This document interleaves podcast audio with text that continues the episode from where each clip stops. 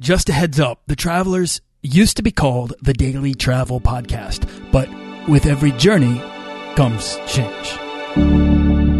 This podcast is produced by Holocene, a community of creative travelers. If you want to get serious about planning that next trip, writing that book, starting that creative project, or launching that business, we're breaking down the barriers between where you are where you want to be together at joinholocene.com. That's join, H O L O C E N E.com. In this episode, finding freedom in business and adventure in life with the suitcase entrepreneur, Natalie Sisson. Do you want to travel further and more often to visit new places and meet new people and expand the role that travel plays in your life? I'm your guide, Nathaniel Boyle, an explorer that wants to help you get out, see the world, and find meaningful, life changing experiences. Everyone wants to be adventurous and have great stories. To do the stuff of legend, this is the Daily Travel Podcast. Now, before we dive in, if you want to get started earning frequent flyer miles or points to travel for as close to free as possible, then you can head on over to dailytravelpodcast.com and sign up for the weekly newsletter and get my book, The Beginner's Guide to Points and Miles, completely free.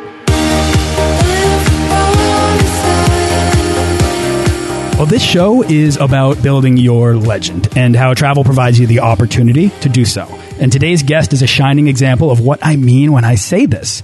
Natalie Sisson goes by the superhero moniker of the suitcase entrepreneur, as which she flies around the world saving people from the dull, nagging ache of routine that I talk about a lot on here by helping them to, in her words, choose freedom in business and adventure in life. So come on, how amazing is that? This is why, if you're looking, you might run into Natalie in various corners of the internet. She has an amazing story to what she does. Uh, she's been to at least 70 countries, co-founded startups, played professional sports, been a pro bodybuilder, written multiple books, and has her own podcast, blog, uh, all of which converge to help her run her own lifestyle business. Now, today, she sets an example and helps others find fulfillment and experience in life. And I'm excited to delve into Natalie the Traveler, why travel is important to her, and then explore how she does what she does. So, uh, Natalie, what is up? Hey. Um, so many things, including the beautiful big blue sky in Manhattan Beach right now. Gorgeous. Yes. Beautiful day here where I am as well. Thank you so much for coming on the show. I really appreciate you taking your time to be here and sharing your story. I'm really excited. I don't think I've ever been interviewed on a purely travel podcast. So this is awesome because I don't get to talk about it enough. Awesome. Yeah. We talk a lot about creating lives of travel, uh, whatever that means to you. You know, entrepreneurship may not be for everyone, but travel really should be. Uh, and there are different ways to go about making it a bigger priority in your life. And so exploring all of those different vehicles is really a, my goal. Uh, and I feel like I have the duty to bring that to my audience. So, uh, you are a, uh, definitely an ambassador to, to one of those, those opportunities that's out there. Um, but first, Natalie, I told you this beforehand, but I'm so fond of people from New Zealand. Uh, you guys, you guys totally embraced the, the shaggy traveler that I was, you know, took me in. It really changed my life in many ways and I'll always be grateful for that. So Kiwis are always welcome here on the Daily Travel Podcast. Awesome. Thank you. Oh, well, well said as well. Awesome. Yeah. Well, New Zealand's such a great country to cut your teeth as a traveler. Uh, it's such great networks. And if anybody's even thinking about going, stop thinking and just do it.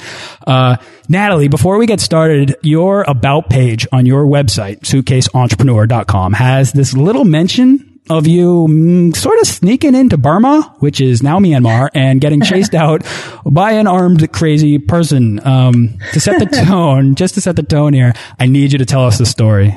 Oh god, that was so bad too. So I was, um, that was a pretty funny. It was 2000. Let me get the date right. It was 2003 and I was over in Southeast Asia on my way over to Europe and uh, was traveling with some British guys actually that I'd met and one of my Kiwi friends who had now left and we were up in that golden triangle area um, and we were like, oh, you know, we're so close to what was at the time Burma. Um, why don't we cross over? We didn't have any set plans. We'd been traveling through Thailand. We were enjoying it. Um, I'd adored Laos, still one of my favorite countries in the world.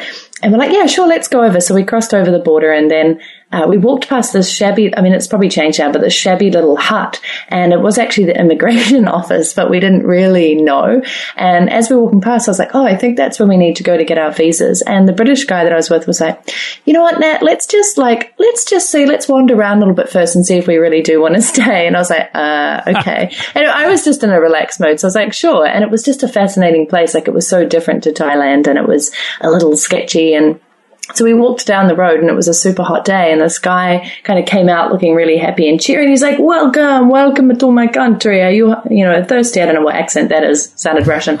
Um, are you thirsty? Do you want to come in? We have Coca-Cola. We have Pepsi. And we were like, oh, and he's like, no, no, come, come. So we're like, okay, sure. Went into the sort of ramshackle house and inside were all these guys, not kidding, with like weapons, just brandishing their rifles and things sitting around. They all had tank tops on and it was sweaty and there was this loud US TV on and there were flies and just, I was like, oh my God, what the hell have we walked into? Is this like a drug trade thing? So by then we were like, well, we have to sit down and have a drink. Like we can't just go, no, no, thanks. so we sit there drinking this drink and trying to be polite and he's saying, what brings you here? And we're like, well, we just love to see more of your country and we're fascinated by it and don't really have any plans. We were totally telling the truth. We had no idea. And he's like, ah, and so how long will you be here? And we're like, not sure, maybe two weeks, maybe a week. And he's like, yes, and you have your visa and everything. And the guy's like, no, not yet. And I, I don't know why he said that. He should have just said yes because the guy just erupted. He got really angry, I remember. And he's like, what do you mean you don't have your visa? You come here illegally. Um, and we're like, no, no, we're going to get it. And he's like, he literally got up and all his guys with the guns got up and they marched us out of the house back up to the immigration office and watched us walk in.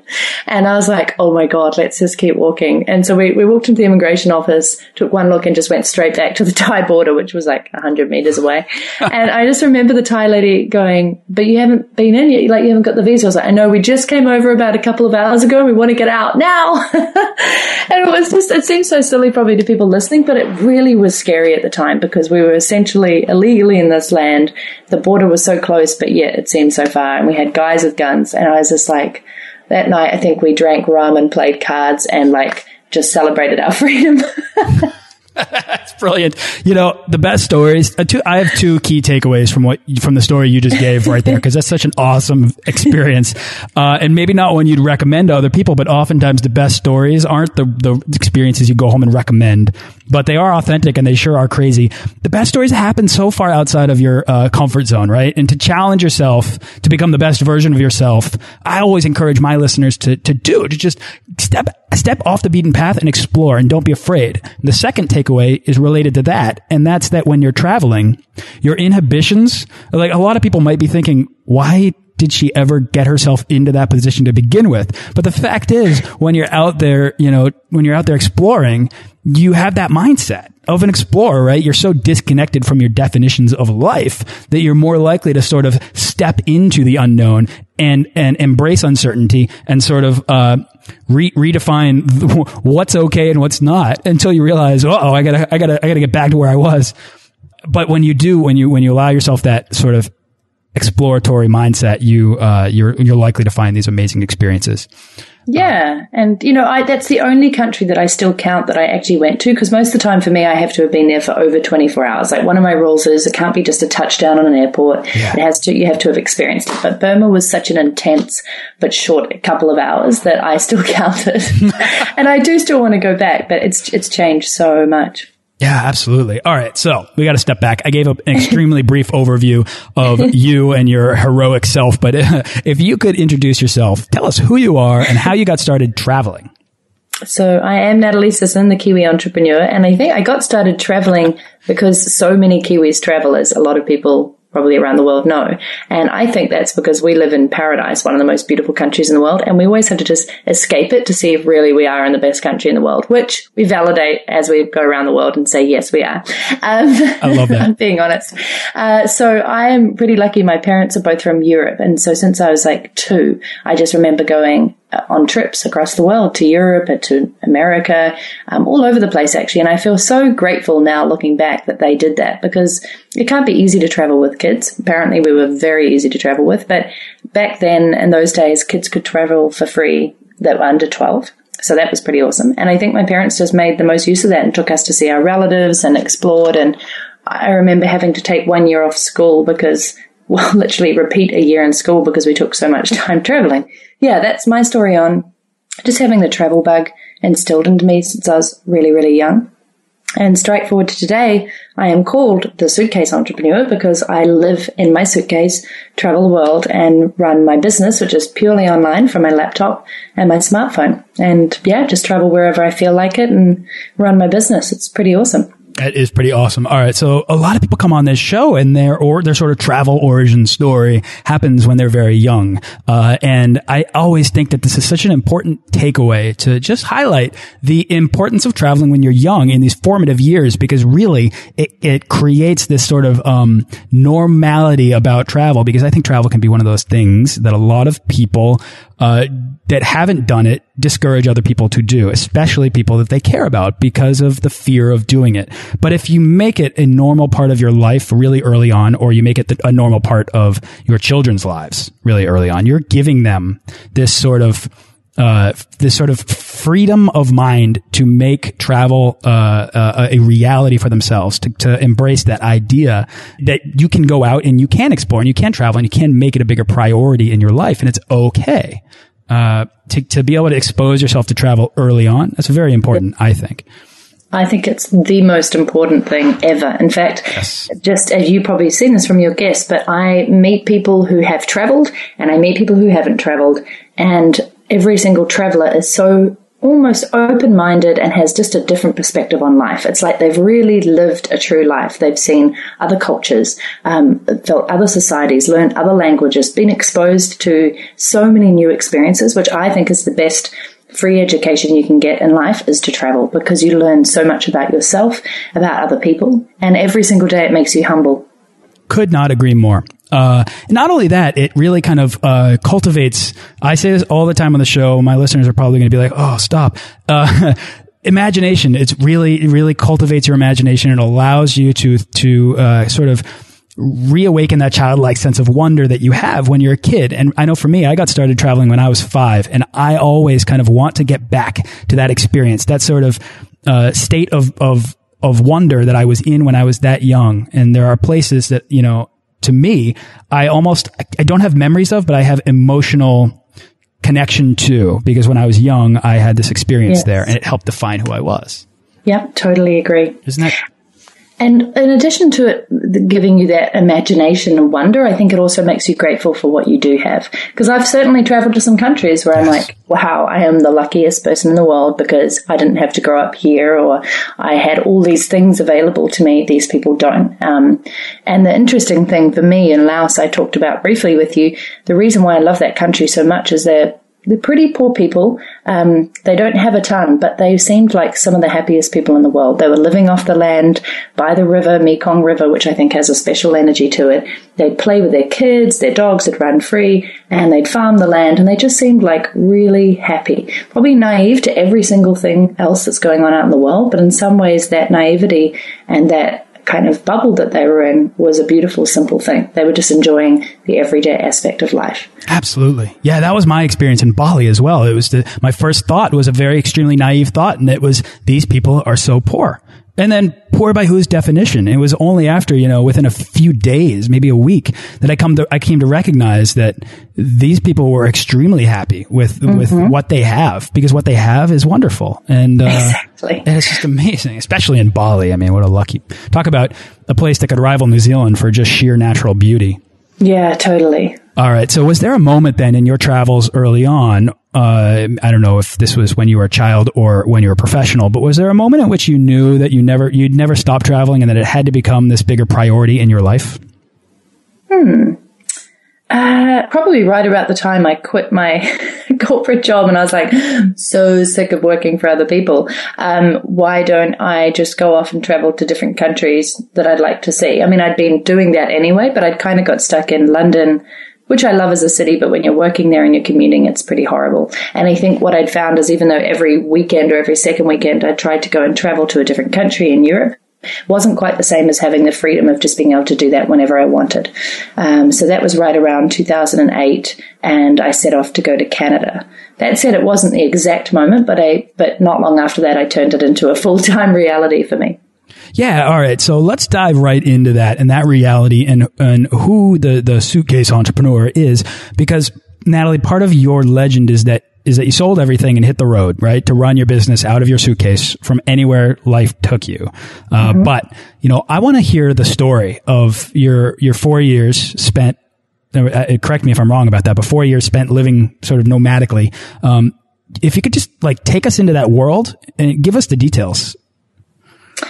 Yeah. So good question. What does it look like? Well, the reason, uh, how I got to it is I was running a technology company. So when I quit my job, I started a technology company and worked on that for 18 months was awesome. And then got to the end of my tether on creating this thing that I didn't think was going very well. Started my own business, which was actually nothing. It was a blog, um, and managed to take that blog and that supposed business on the road about six months later.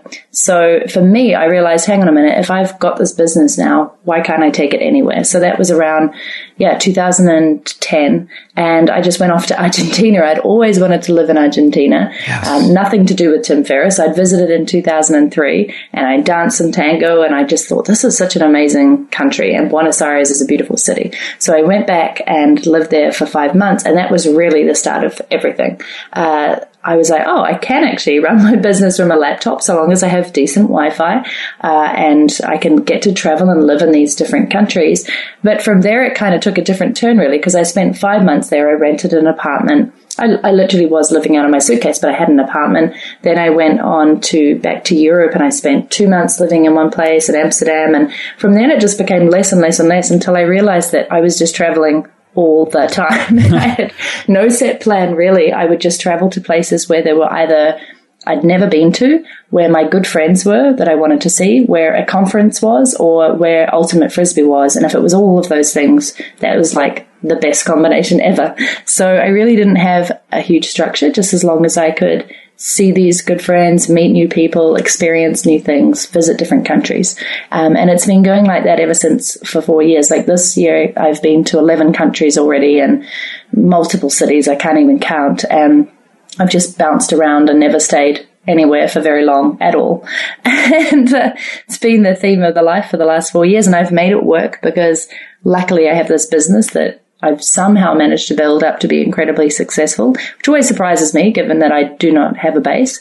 And uh, along the way, I've hopefully inspired a lot of people to to do the same thing, not not in the way I've done it, but to create freedom on their own terms. Totally. For anybody that's listening and they're like, "How does she do this?" We're going to get there. Be patient. Okay. I promise. Um, because I actually want to, you know, dive in and, and, probably ask you some questions about that. But, you know, before we get there, a lot of people dream, right, to, to travel like this. So many of the best travel stories on this show start in the cubicle and end in the great unknown, right? But, people who are who are dissatisfied with their sort of corporate life or their whatever, you know, at most they might take a career break if the opportunity presents itself. So what inspired, you know, your decision, which is a big one to almost embrace and create a life of travel? Just absolutely freedom. Freedom is my highest value in life, um, along with integrity. And I think nothing felt freer to me than never being boxed into anywhere than having to own so little stuff that I could just pack it up in a suitcase and go at a moment's notice to wherever I wanted. Um, and in some ways, that could be nowhere if I didn't want to go anywhere. But the freedom comes in the fact of the knowing that I could. I wasn't bound anywhere. I didn't have a mortgage. I didn't have car payments. Um, nobody expected me to be in one place. And so for me, I was just, I was really chasing that. And it was also an experiment to just, you know, why can't I? Just be anywhere and everywhere at any given time with no set agenda. I think it really was just curiosity and this desire to have freedom. And, and to me at the time, and, and still does in many ways, that's what freedom represented. Where else did you go then in this four year period? And how often did you struggle with maintaining maintaining productivity on the road for you know whether it's like finding a good internet connection or a decent workplace or being distracted by the amazingness that's out there uh, where didn't I travel to? I, do you know what? I couldn't even tell you. So it has been, it's been 68 countries now. Um, since, uh, 2009? well, since I was born. but a ton of them have been in the last four years and many of them I've been back to so many times. It's not funny. Um, but I think, yeah, each year it seems to be around between 12 and 15 countries. Um, some of those multiple times, which is just nuts. And to come back to your question, which was, oh my god, I can't even remember what your question was. I was mean, how often of, how often would you sort of run into struggles on the road to, to be productive or find somewhere to work? Um, often. So, uh, in general, I would say, yeah, that has been probably one of the biggest banes of your life is finding decent internet. And last year when I went to Malaysia, you know, Kuala Lumpur's got really good internet. Actually, quite a lot of Southeast Asia is it's starting to improve. Especially South Korea has some of the fastest, etc. But Borneo, when I went to the island of Borneo, it was like non-existent. And I remember I was doing my Kickstarter for my best-selling book at the time, and I just needed to upload this video, and it took seven hours. I was in an internet cafe, which they don't really have there, and it was it was seven hours, and it was ninety eight percent uploaded and all these kids came in from school and started playing video games and it sucked the bandwidth out and it just went failed. And I was like no. And that was at the point where I was like why am I doing this? This is so difficult. You know so frustrating. I mean I'd been working during that time but really I was like really? This this would have been 20 minutes in the US or five minutes in Singapore. So um, it's definitely been an interesting thing but I have to say that the times when I don't have Wi-Fi or internet or it's not decent, I kind of actually now look at those times with a lot of fondness because I would look at them and go, okay, great. This is life telling me that I should just go out and explore and discover and enjoy the place where I am. And maybe I should stop working for a little. So that's my attitude that I take all the time now. I always expect the unexpected. I almost always expect something to not be available. It just helps my attitude because then if I arrive and it's actually available, I'm like, bonus.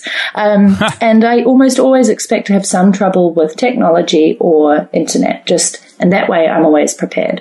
So I've taken a few measures, I guess. I have a, a, great team now with my business, which we'll come to. I'm pretty streamlined in my systems so that if I'm offline for a bit or I don't have something, it's not going to ruin everything. Um, I plan a lot in advance. I do stuff in bulk scheduling, podcast interviews, videos. So really my, my need to be online every day is not as prominent as it used to be. Um, I do take measures, like I'll try and get data on my SIM card, so at least I'm connected. And I have so many SIM cards, it's not funny. Um, and I also use co-working spaces and things like Regus offices where I can go into a dedicated space if I know I need to do a launch, um, need quiet space for an interview, or need to hold a meeting in a professional-looking environment. So those are all the little tricks that I've learned along the way, uh, just to be more prepared. Yeah, I'll say you sound like a master planner of location independent work. Uh, and I've had a few other location independent entrepreneurs come on, but we've never really talked about that sort of struggle and that sort of challenge of finding the ability to uh, find not only to find time, but actually have the capability, the technological capability to uh, to deliver wherever you need to, to deliver to. Um, Natalie, I often travel just to work, you know, just because I find that disconnection from like a defined routine uh, can sort of reignite, you know, my imagination, which inspires creativity, right? And like I'm, I'm less restless when I'm surrounded by stimulation. And so I'm, I'm perfectly content sitting in a foreign environment and working a lot, you know, rather than going out and seeing the sights because because I kind of know that all I have to do is look up from what I'm doing to feed that sort of traveler's addiction to new things. Mm -hmm. uh, I'm curious if you, if you if you feel the same way and how you might how you might be able to sort of balance your work and your travel. Wow, you might have just cracked why I'm always so productive. um, I feel that I've got a really good formula now, and I've I've written about it in my book. I call it my six step daily success plan. But I tend to, and this is totally different for everybody that I meet. Um, but one thing that I found is the key to freedom is discipline, which is really ironic because I battled against that for a lot of years. So I'm just more disciplined. Um, and on a really good day, if I'm traveling, and wanting to work. I'll do my best work in the morning, you know, I'll do my exercise, then I'll seriously dig into my work for a couple of hours, and then I will take the rest of the day and afternoon off to go and explore the city that I'm in and actually be a tourist, like make myself go out and be a tourist. Then I'll come back in the early evening, I might do a little bit more, and then I'll go out for dinner. And I find that's like when I'm in a place that I haven't been to before, but I also have work that I really love doing, that's how I tend to find is best. Like literally cram my work into a short period of time and be really focused and get the good stuff done, and then go out and play tourist all day and then come back and do a bit more. So I've actually found that's worked really well for me. Yeah, because you're super motivated to get out there and actually have the time to enjoy your life, the life that you've built for yourself, uh, while also you know having to get everything done. It's almost like you have your travel is in itself a, a, a deadline. Yeah, and you know what? There's a lot of digital nomads who I kind of look at and I'm like, well, you're not really a digital nomad because what they'll do is they'll just work all day, but from a really great location. Right. And I'm like, that misses the point entirely. Um, and if you really want to work all the time, then great. You know, put yourself in a stimulating environment. Maybe you do want to be by the sea or the ocean, and that's perfect. Um, and there are times for a lot of work, and then there's times for travel, and I've definitely done that as well. But I do find a lot of people that I meet have still not got that right balance. It's it's actually very hard to achieve, and that's probably why. But um, for me, it's all about you know making the most of every moment. So your life and work shouldn't take over your enjoyment from your lifestyle, and vice versa. You've been listening to the first part of an inspiring conversation with the suitcase entrepreneur, Natalie Sisson. Tune into part two, where we'll discuss how you can make travel a bigger part of your routine life and where and why she's finally unpacking the suitcase. Thanks for listening to this episode of the Daily Travel Podcast. For show notes and links to everything in this episode and more, head on over to dailytravelpodcast.com. Join our Facebook page of explorers and subscribe to our newsletter for the best deals and resources to help make your next trip life changing.